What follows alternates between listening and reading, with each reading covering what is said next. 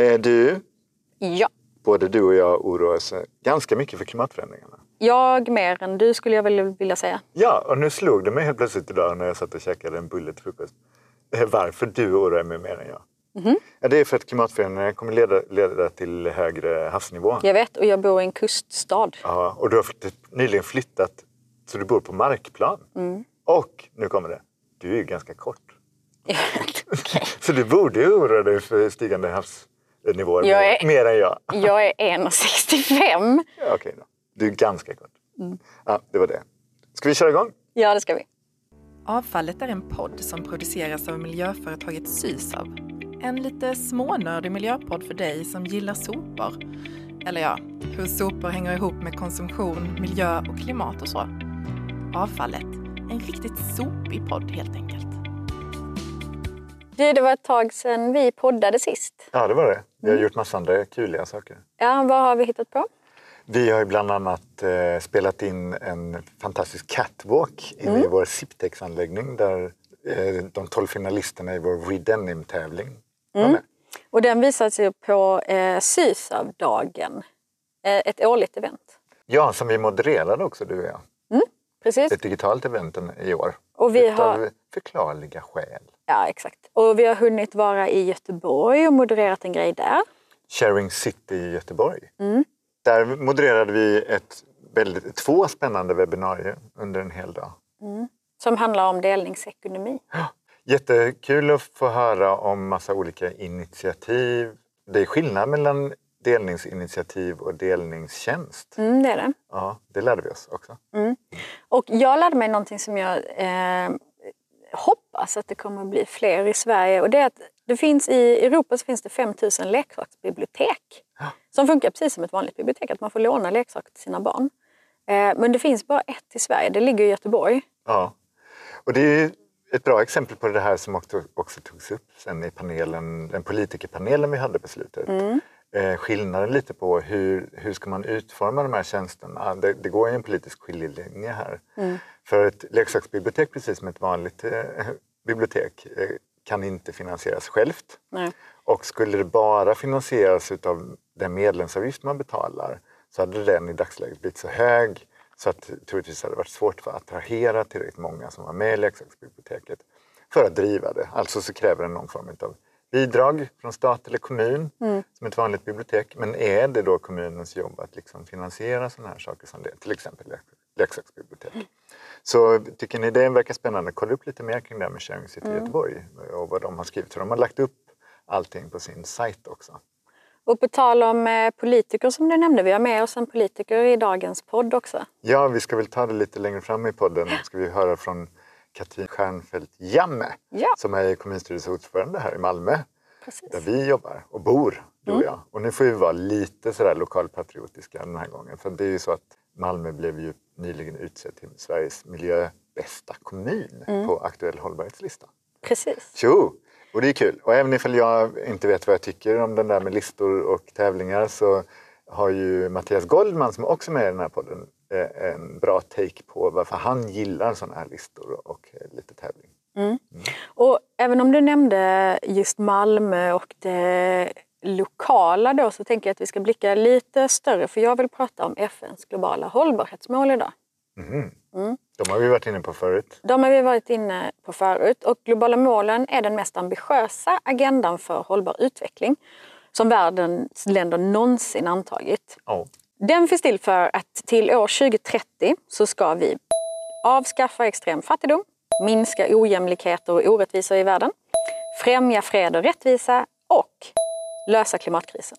Det är planen helt enkelt. Det är planen för detta. Och för att förklara hur speciella de här är så ringde jag upp Mattias Goldman. Mattias Goldman är Sweco's hållbarhetschef och han har också utsetts till mäktigast i hållbarhets-Sverige och gav nyligen ut en bok som heter Klimatsynda som handlar, handlar om hur vi ska rädda planeten. Och han är duktig på att förklara varför Agenda 2030 är så speciell. Tre saker tycker jag är riktigt bra och speciella med de hållbara utvecklingsmålen. Eh, för det första att de verkligen tar ett helhetsgrepp. Det finns inte den hållbarhetsdimension som inte är med. Och då ska man komma ihåg att hållbarhet är ju inte bara miljömässig utan också social och ekonomisk. För det andra, så om man jämför med tidigare mål, till exempel de här millenniemålen vi hade förut, så är det mycket, mycket tydligare nu att det här inte bara är ett ansvar som de fattiga länderna har eller som vi rikare länder har gentemot de fattiga, utan det gäller faktiskt oss alla och det gäller stater, kommuner och företag. Och för det tredje så kan man tycka att de här målen ser lite fluffiga ut men de har 169 i högsta grad eh, mätbara eh, delmål så att det hjälper oss att förstå hur vi ligger till. Ingen är bättre på att förklara än Mattias Kollman nästan. Eh, jag har en speciell relation till de globala målen som jag tror jag kanske nämnt i något tidigare poddavsnitt. Men det var ju så att när jag var ung så blev jag politiskt medveten någon gång när jag var 14-15 och så var jag lite halvpunk där ett tag också och ifrågasättande av allt och jag delade ofta in världen i svart eller vitt. Och så läste jag ganska mycket på om fascism och sånt här som jag tyckte var intressant. Och en dag när jag hälsade på min farmor och farfar så frågade jag dem så här lite små upprört. Det här med Nazityskland alltså varför gjorde ni inte mer? Varför, ni visste ju om vad som skedde, varför liksom, gjorde ni inte mer? Och då var jag ute på djupt vatten visade sig, för min farfar hade gjort jättemycket och han hade dessutom fått en väldigt fin medalj av den norska kungen för hans insatser för att kämpa just mot den nazismen. Men poängen var ju ändå att fråga varför gör vi inte mer om, om det vi vet händer i världen idag? Och vet du vad? Den här frågan fick jag av mina barn tillbaks. Mm. Min eh, yngsta dotter ställde den för ett par år sedan. Vad svarade du då? Det här med klimatet, sa hon ju. Mm. Känner, varför gör du inte mer? Och då är det skönt att det finns en plan. Men vad svarade du på hennes fråga? Jag sa att det finns en plan. Okej. Okay. Gjorde du det på riktigt? nej, det sa, jag kom nog inte på det så snabbt. Jag blev nog glad för att de ställde frågan faktiskt. Mm. Det viktigaste kanske inte är hur man svarar och vad man svarar utan just att man har en diskussion om sånt hemma. Mm. Och det har vi ofta. Men det finns ju en plan som inbegriper klimatförändringarna. Mm. Och det är de globala målen. Precis. Och Sysav bland annat, många företag arbetar ju med de eh, globala målen och, och liksom pinpointar vilka är våra mål som vi arbetar med. Det har ju Sysav gjort. Eller inte arbetar med men som vi bidrar till. Ja, eller, precis. Ja. Kan du nämna Sysavs mål nu? Ja, några i alla fall. Vi har fem stycken. Nummer ja. sju, ja. nio, ja. elva, 12 och 17. Det är Sysavs liksom, huvudmål av FNs globala hållbarhetsmål. Det är många företag, precis som Sysav, som arbetar med dem eh, eller för att bidra till dem. Och det är något som företag överlag gillar att lyfta. Eh, och Goldman har också tips till de företagen. Jag tror att eh, företag som inte vill arbeta målen ska man akta sig för. Vare sig man är medarbetare eller anlitar dem eller kanske funderar på att köpa aktier i dem därför att det är en framtidsförsäkring att vara i linje med de hållbara utvecklingsmålen.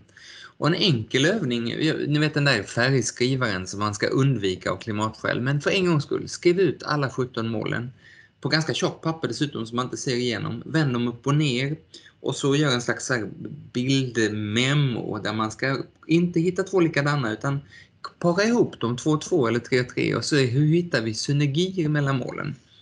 För att det jag märker i mitt jobb på Sweco och det vi märker på många håll är att det är inte jättesvårt kanske att klara ett hållbart utvecklingsmål, klimatet till exempel, eller biologisk mångfald. Men det sker ofta på bekostnad av ett annat. Vi får väldigt ofta målkonflikter om vi inte från början tänker att det är synergierna vi vill åt. Och det är synergierna de riktigt bra affärsmöjligheterna dyker upp också. Bra att han tar upp det där att man måste vara med. Mm. Man måste se till att man är med och bidrar, för annars finns det ingen plats för den i framtiden. Mm, precis.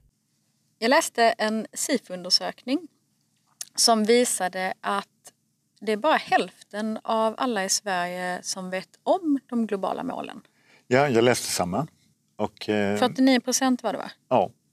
Och då tänker man så här, ja, åh herregud, lever jag i sån egen liten bubbla, filterbubbla mm. i hållbarhetssvängen? Ja, det gör vi väl kanske då, för jag tycker att det var förvånande. Jag tycker ändå att de har haft genomslag och pratas mycket om. Men det är väl så, vi lever i skilda världar tyvärr. Mm, vi gör ju det. Mattias har en del tankar om det som vi ska lyssna på nu. Jag tänker att eh, Det är inte så viktigt för mig om folk känner till de globala utvecklingsmålen eller egentligen inte ens om man känner till de 16 svenska miljömålen eller det svenska klimatlagens innebörd. Utan det viktiga är att det blir lätt, lustfyllt och lönsamt att göra rätt. Och så har det ju verkligen inte alltid varit inom till exempel den miljömässiga delen av hållbarhet. Där jag tror att man har tyckt att man kanske måste anstränga sig lite extra för att sortera sina sopor. Det enklaste är bara att slänga alltihop.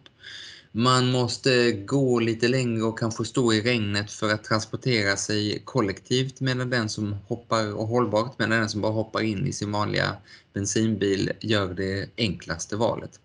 Och det där måste vi bryta upp med så att det blir självklart eh, att eh, det enklaste och det roligaste eh, och det mest lönsamma är det hållbara. Då är det inte så noga om man kan räkna upp de 17 hållbara utvecklingsmålen eller inte. Sen har jag faktiskt funderat på som, som vi sa så har ju vi de här fem målen som vi arbetar efter. Men jag läste att för enligt revisionsbyrån KPMG så rapporterar de flesta företag bara positiva bidrag till de globala hållbarhetsmålen. Och det gör vi ju precis av med, eller hur? Vi mm. rapporterar ju, de här liksom arbetar vi efter. Det här är våra positiva bidrag. Och termen SDG-washing eller goal-washing som kan liknas vid greenwashing används då. För enbart 14 procent av företagen på världsmarknaden rapporterar negativ påverkan. Svenska företag är lite bättre, men som sagt lite. Och vi lyfter liksom de positiva grejerna vi gör och det kan ju alla företag göra men vi rapporterar inte den negativa påverkan som vi har på en del mål, att vi faktiskt motverkar det. Vad säger Goldman om det då? Det ska vi lyssna på. På Sweco har vi tagit fram det vi kallar hållbarhetssolen och då kan man tänka sig en sol med 17 strålar, en för vart och ett av de hållbara utvecklingsmålen. Och strålen kan gå utåt ett, två eller tre snäpp. Går den ut tre snäpp då gör man jättestor nytta för det målet. Men tyvärr så kan strålen också gå inåt och då är den inte gul utan grå. Och då ser man att i den här dimensionen så är vi inte en del av lösningen utan en del av problemet. Och detta sätt att visa helheten tror jag är jätteviktigt därför att annars så lyfter man ju fram bara de som eh, går allra bäst. Och det roliga är ju att kraven kommer från ganska många nu, att man måste vara mer transparent på de områden där man än så länge inte är en del av lösningen. Och dessutom de områden där eh, utvecklingen i samhället i stort eh, hotar den egna verksamheten. När det går dåligt för en hållbar utveckling, ja men då hotas ju förstås jord och skogsbruket men också logistikkedjor där det kanske inte går att få fram råvarorna som man är beroende av eller där medarbetarna kanske inte kan komma till kontoret eller fabriken eller många andra dimensioner där det är en utmaning för den egna affärsidén när vi inte klarar de hållbara utvecklingsmålen. Så att eh, detta goalwashing eh, är verkligen värt att lyfta fram och de bästa företagen de identifierar ju också där man tyvärr fortfarande är en del av problemet. Ja, precis. Och det här med att skönmåla eller grönmåla hållbarhetsarbete, det tycker jag är intressant. Och jag tänkte, ska vi prata lite om greenwashing? Ja, det kan vi göra. Ja. Ifall du vill. Du reagerade faktiskt ganska så starkt när vi hörde en reklam för ett tag sedan. Kommer du ihåg det? Ja. Vad var det reklam för? Ja, men det är den här Vattenfalls podd där man kan lyssna på eh, framsteg som görs inom teknik framförallt för att eh, motverka klimatförändringar. De heter någonting som jag aldrig kommer ihåg. Super Soothing Climate Progress Engineering Tracks. Ja, och jag tror väl att de kan förhoppningsvis har gjort det med lite ironi i själva namnet men jag tycker också att redan när man säger det så låter det som en, någon slags skönhetsprodukt som jag inte behöver. Namnet i sig retar mig naturligtvis. Och det är väl så här helt enkelt. Det är ju, vi vet ju att Vattenfall gör massa affärer fortfarande som, är motverkar, eller som verkligen bidrar till klimatförändringarna. Och att de inte har gjort tillräckligt skulle jag vilja säga. Och då, då retar det mig naturligtvis lite. Även ifall de då hävdar att jo, men det, man mår faktiskt bra utav det och mår man bra så kanske man får beter sig bättre också och man får mer kraft att göra mer för klimatet. Men jag tycker ändå att det är problematiskt när ett företag som Vattenfall kör så hårt på den här biten. Mm. Jag skulle gärna vilja att de hållbarhetsrapporterar så som Goldman gör med sin sol in och ut. Mm. Och så kan vi kika lite på den solen innan vi lyssnar på den där Super Soothing eh, Swish Wash, vad det nu hette. Mm. Enligt den här KPMG-rapporten så är det inte trovärdigt om ett företag rapporterar endast hur de bidrar till positiv påverkan. För att vi uppskattar transparens för det första, men också att om man utesluter den negativa påverkan som man har som företag på miljön och klimatet, då bidrar det faktiskt till fler svårigheter att uppnå målen på global basis. Jag ser ju också att utifrån vår roll när vi föreläser så har vi också märkt att ifall vi, du och jag som föreläsare också pratar om de problem vi har inom vår verksamhet eller där vi inte är tillräckligt bra eller där vi kan bli bättre, märker vi också att de som lyssnar faktiskt tar till sig det vi säger i övrigt också mycket mer. Med, tror helt enkelt mer. Vi, trovärdigheten ökar helt enkelt mm. eh, när vi också är transparenta och öppet redovisar vilka problem vi har i vår verksamhet. Så att det här tror jag absolut på. Vi, vi vill inte höra reklam inte kring en sån viktig fråga som att rädda, rädda världen eller rädda oss snarare. Nej. Vet du vad jag har klurat på den sista tiden? No. Det handlar om att vi verkar vara konstruerade att, att det är mycket lättare för oss människor, eller människohjärnan, att addera istället för att subtrahera.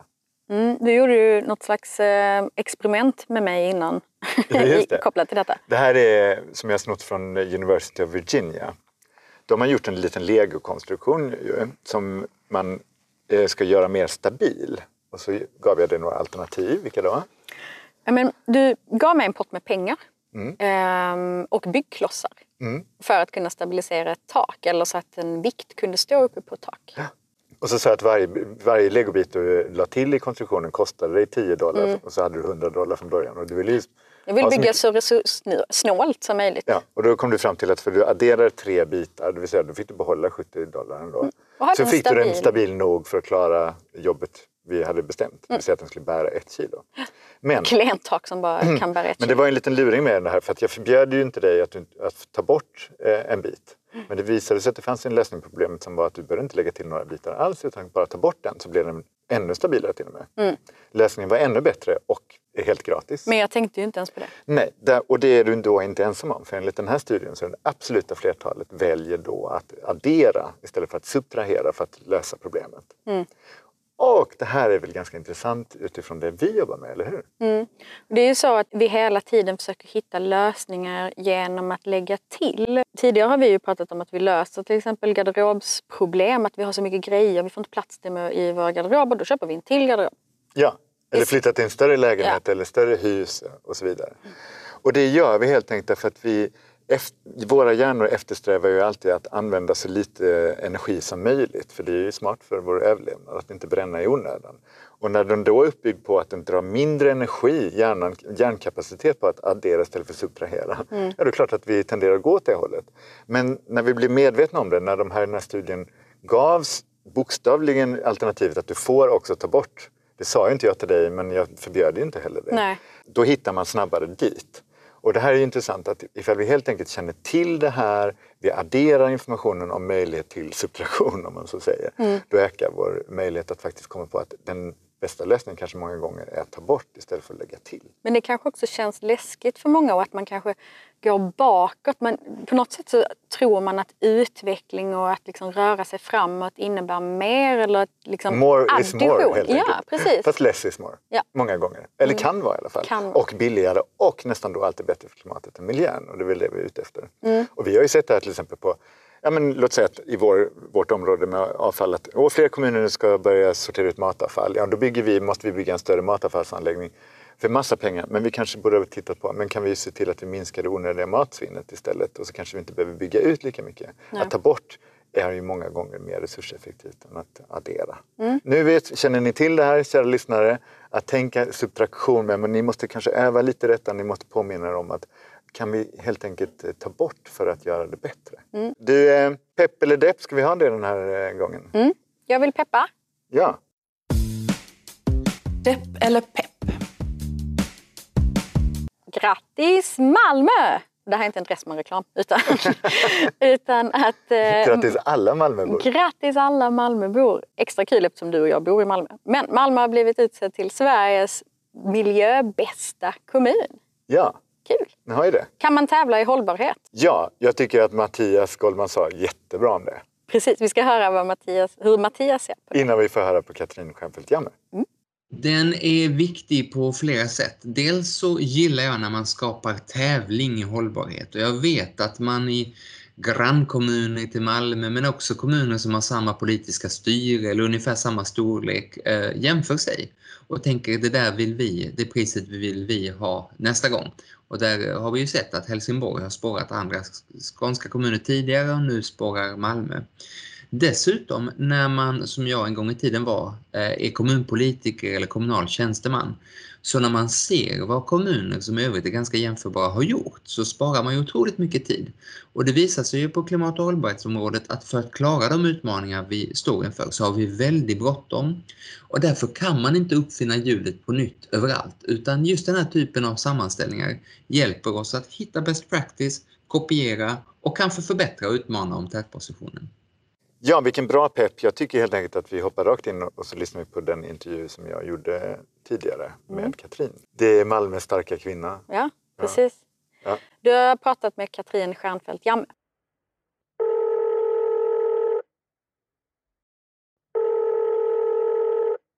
Katrin Stjernfeldt Jamme, ordförande i kommunstyrelsen i Malmö. Hej Katrin! Det var jätteroligt att du ville vara med i podden. Och anledningen till att vi ringer dig är ju för att Malmö precis har blivit utnämnd till Sveriges miljöbästa kommun. Roligt va? Det är jätteroligt. Eh, det är fjärde gången men det är ett par år sedan nu. Det är ett fantastiskt fint kvitto på att eh, långsiktigt och träget eh, arbete faktiskt lönar sig. Och kan du ge något exempel på ett sådant lång, långsiktigt och träget arbete som vi faktiskt har gjort här i Malmö? Så det som jag tänker är viktigt att poängtera det är att om man ska jobba för en hållbar stad eh, på det sättet som vi eh, vill så måste man jobba väldigt brett och man måste se hållbar, hållbarhet i ett, i ett brett perspektiv. Eh, och vi har de senaste åren hängt upp vår styrning och ledning av staden på Agenda 2030-ramverket. Vi har fått in det i vår budget, vi har det som tydliga ledstjärnor för alla våra verksamheter. Och det handlar om att vi jobbar med både miljö, social och ekonomisk hållbarhet. Men sen om vi tittar, om vi, om vi ska prata alldeles specifikt om eh, klimat och miljöarbetet så handlar det också om att, att jobba brett. Vi har precis antagit ett eh, nytt eh, miljöprogram och det är uppdelat kan man säga i tre stora sjok. Ett som handlar om att vi ska minska stadens klimatpåverkan och det är ganska radikalt för att leva upp till göra vår del för att eh, världen ska leva upp till Parisavtalet. Och sen handlar det om att skapa goda livsmiljöer och att eh, ta vara på och utveckla naturen och miljöerna vi har. Så att man måste jobba med alla de här perspektiven för att eh, faktiskt kunna säga att man jobbar hållbar, med hållbarheten på riktigt. Det låter klokt och då är, faktum är ju att de här målen är ju integrerade i varandra och att det, man ska tänka på det sättet du säger.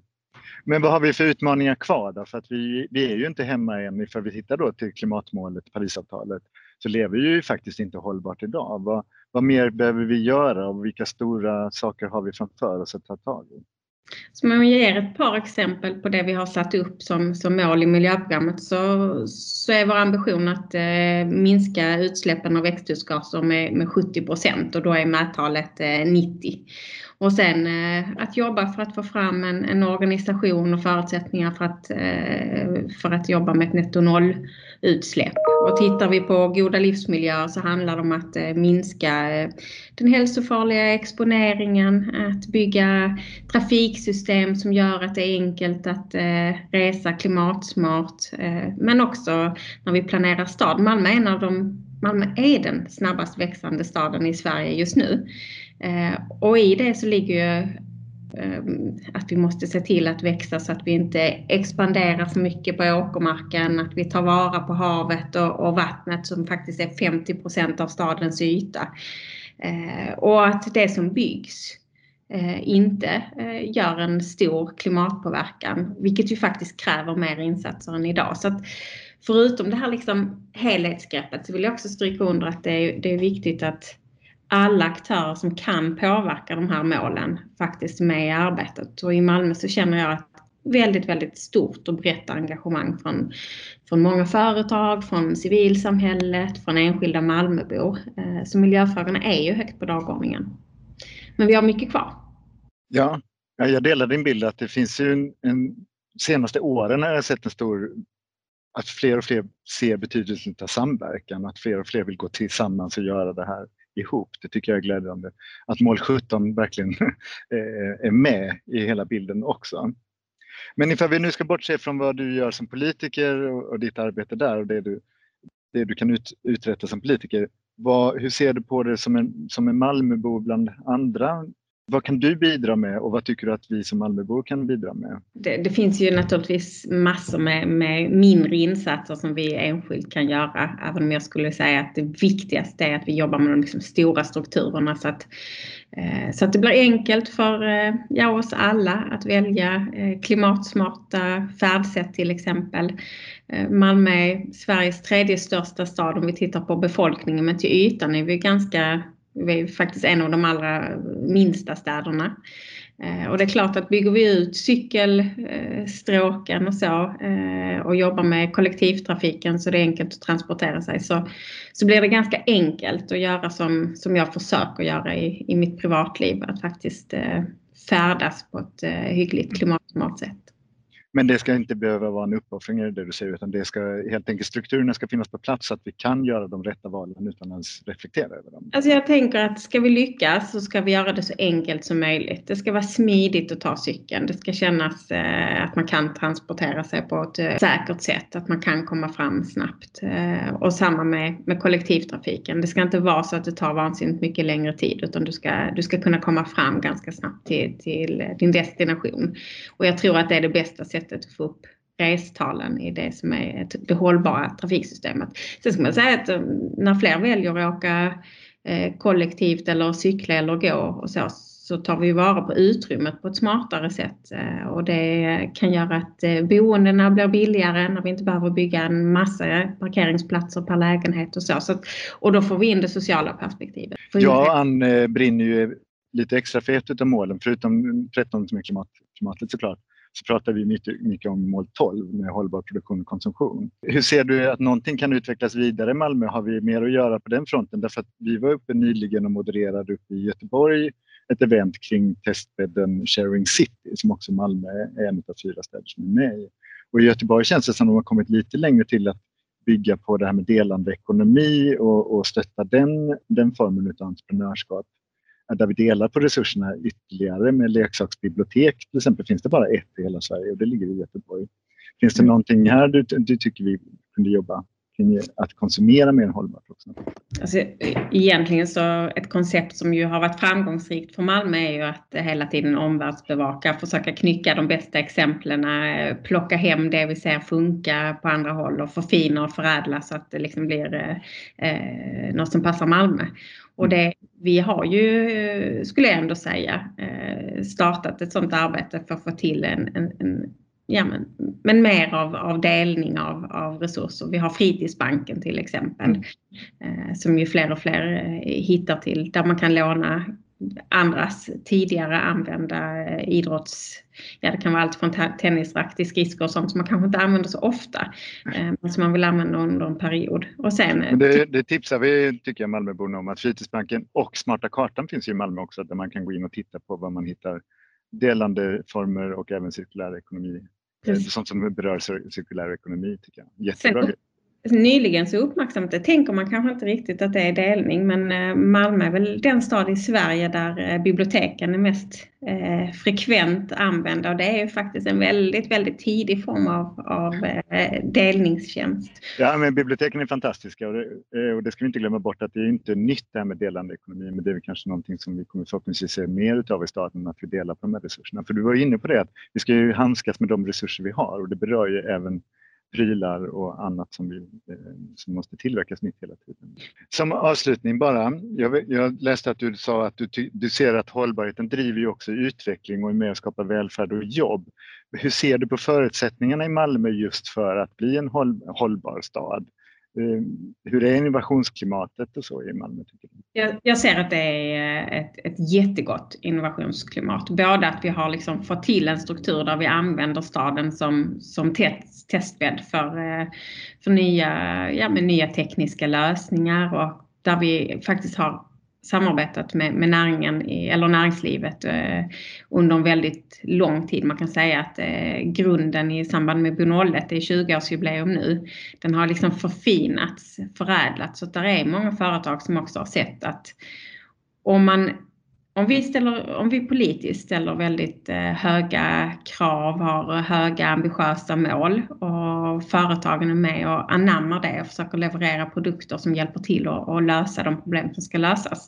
Så allt eftersom världen efterfrågar den här smartare tekniken Eh, så är man med från början så har man en, en eh, konkurrensfördel i, i det och det, det, upplever jag att många Malmöföretag faktiskt har anammat. Man vill vara med och testa nytt. Eh, och vår tydliga ambition är att ligga i framkant och då kan man inte slå sig till ro för att man blir miljöbästa. Utan Nej, får vässa. Eh, så det är faktiskt det, är det här med listor så bra. Egentligen ska det inte vara en tävling om vem som är bäst. Vi borde väl alla dela med oss av våra bästa exempel och, och, och det är väl egentligen inte en tävling Katrin? Nej, det jag tänker att eh, rankingar är eh, för, för många i vår organisation så är det ett kvitto på att vi faktiskt eh, eh, ja, men, men jobbar långsiktigt ihärdigt. Eh, och sen ser jag också att eh, vad det gäller miljöfrågorna, ska vi lyckas här med klimat och miljöfrågorna och ja, hållbarheten i stort så behöver vi dela med oss. Och, och det är klart att det blir uppmärksamhet, eh, det väcker ett intresse, nyfikenhet. Eh, folk tittar på vad vi gör eh, på samma sätt som vi har tittat på andra tidigare eller hela tiden. Och det kanske motiverar oss att jobba ännu hårdare? För man behöver en klapp på axeln lite. Nej, men jag tänker faktiskt att eh, många rankingar och, och priser och, och, en positiv uppmärksamhet ger energi att göra ytterligare. Det är det där kvittot som man kan behöva för att ytterligare spåras. Jättebra, men du tack och vi kommer ju kanske ses igen snart för att på tal om företagande och innovationer så har vi ju i Malmö numera en världsunik sorteringsanläggning för textilier som jag vet att du tänker besöka snart. Precis, jag kommer snart att hälsa på er. Härligt. Tack för att du ville vara med. Stort tack. Ha det gott. Hej. Mamma, hej. Så, nu tycker jag väl att alla andra kommuner kan försöka bräcka Malmö i den här tävlingen. Ja, eller hur? För att det är ju tillsammans vi ska fixa det. Ja, mål, mål 17. 17. Mål 17, 17, 17. Och vad är mål 17? Då? Tillsammans, gemenskap, eh, samverkan, allt det där mysiga. Det är tillsammans vi ska göra det. Det är bra att en tävling kan stimulera att vi blir bättre. Men det är ingen tävling. Vi måste tillsammans fixa det här. Mm. Du, vi glömde ju att säga en eh, depp. Eller rätt sagt, jag skulle sagt en mm, depp. Kan va? inte du berätta något deppigt för mig nu Nej, jag tänker inte göra det. Därför att jag är så glad att Malmö vann det här och att jag är så glad att andra kommuner nu förhoppningsvis blir stimulerade att slå Malmö. Mm. Så jag tycker att vi kör bara en pepp och så tycker jag att vi säger hej då. Mm. Hej då allihopa! Hej då! Det här var en podd producerad av miljöföretaget Sysav. Glöm inte att följa oss på sociala medier. Där heter vi Sysav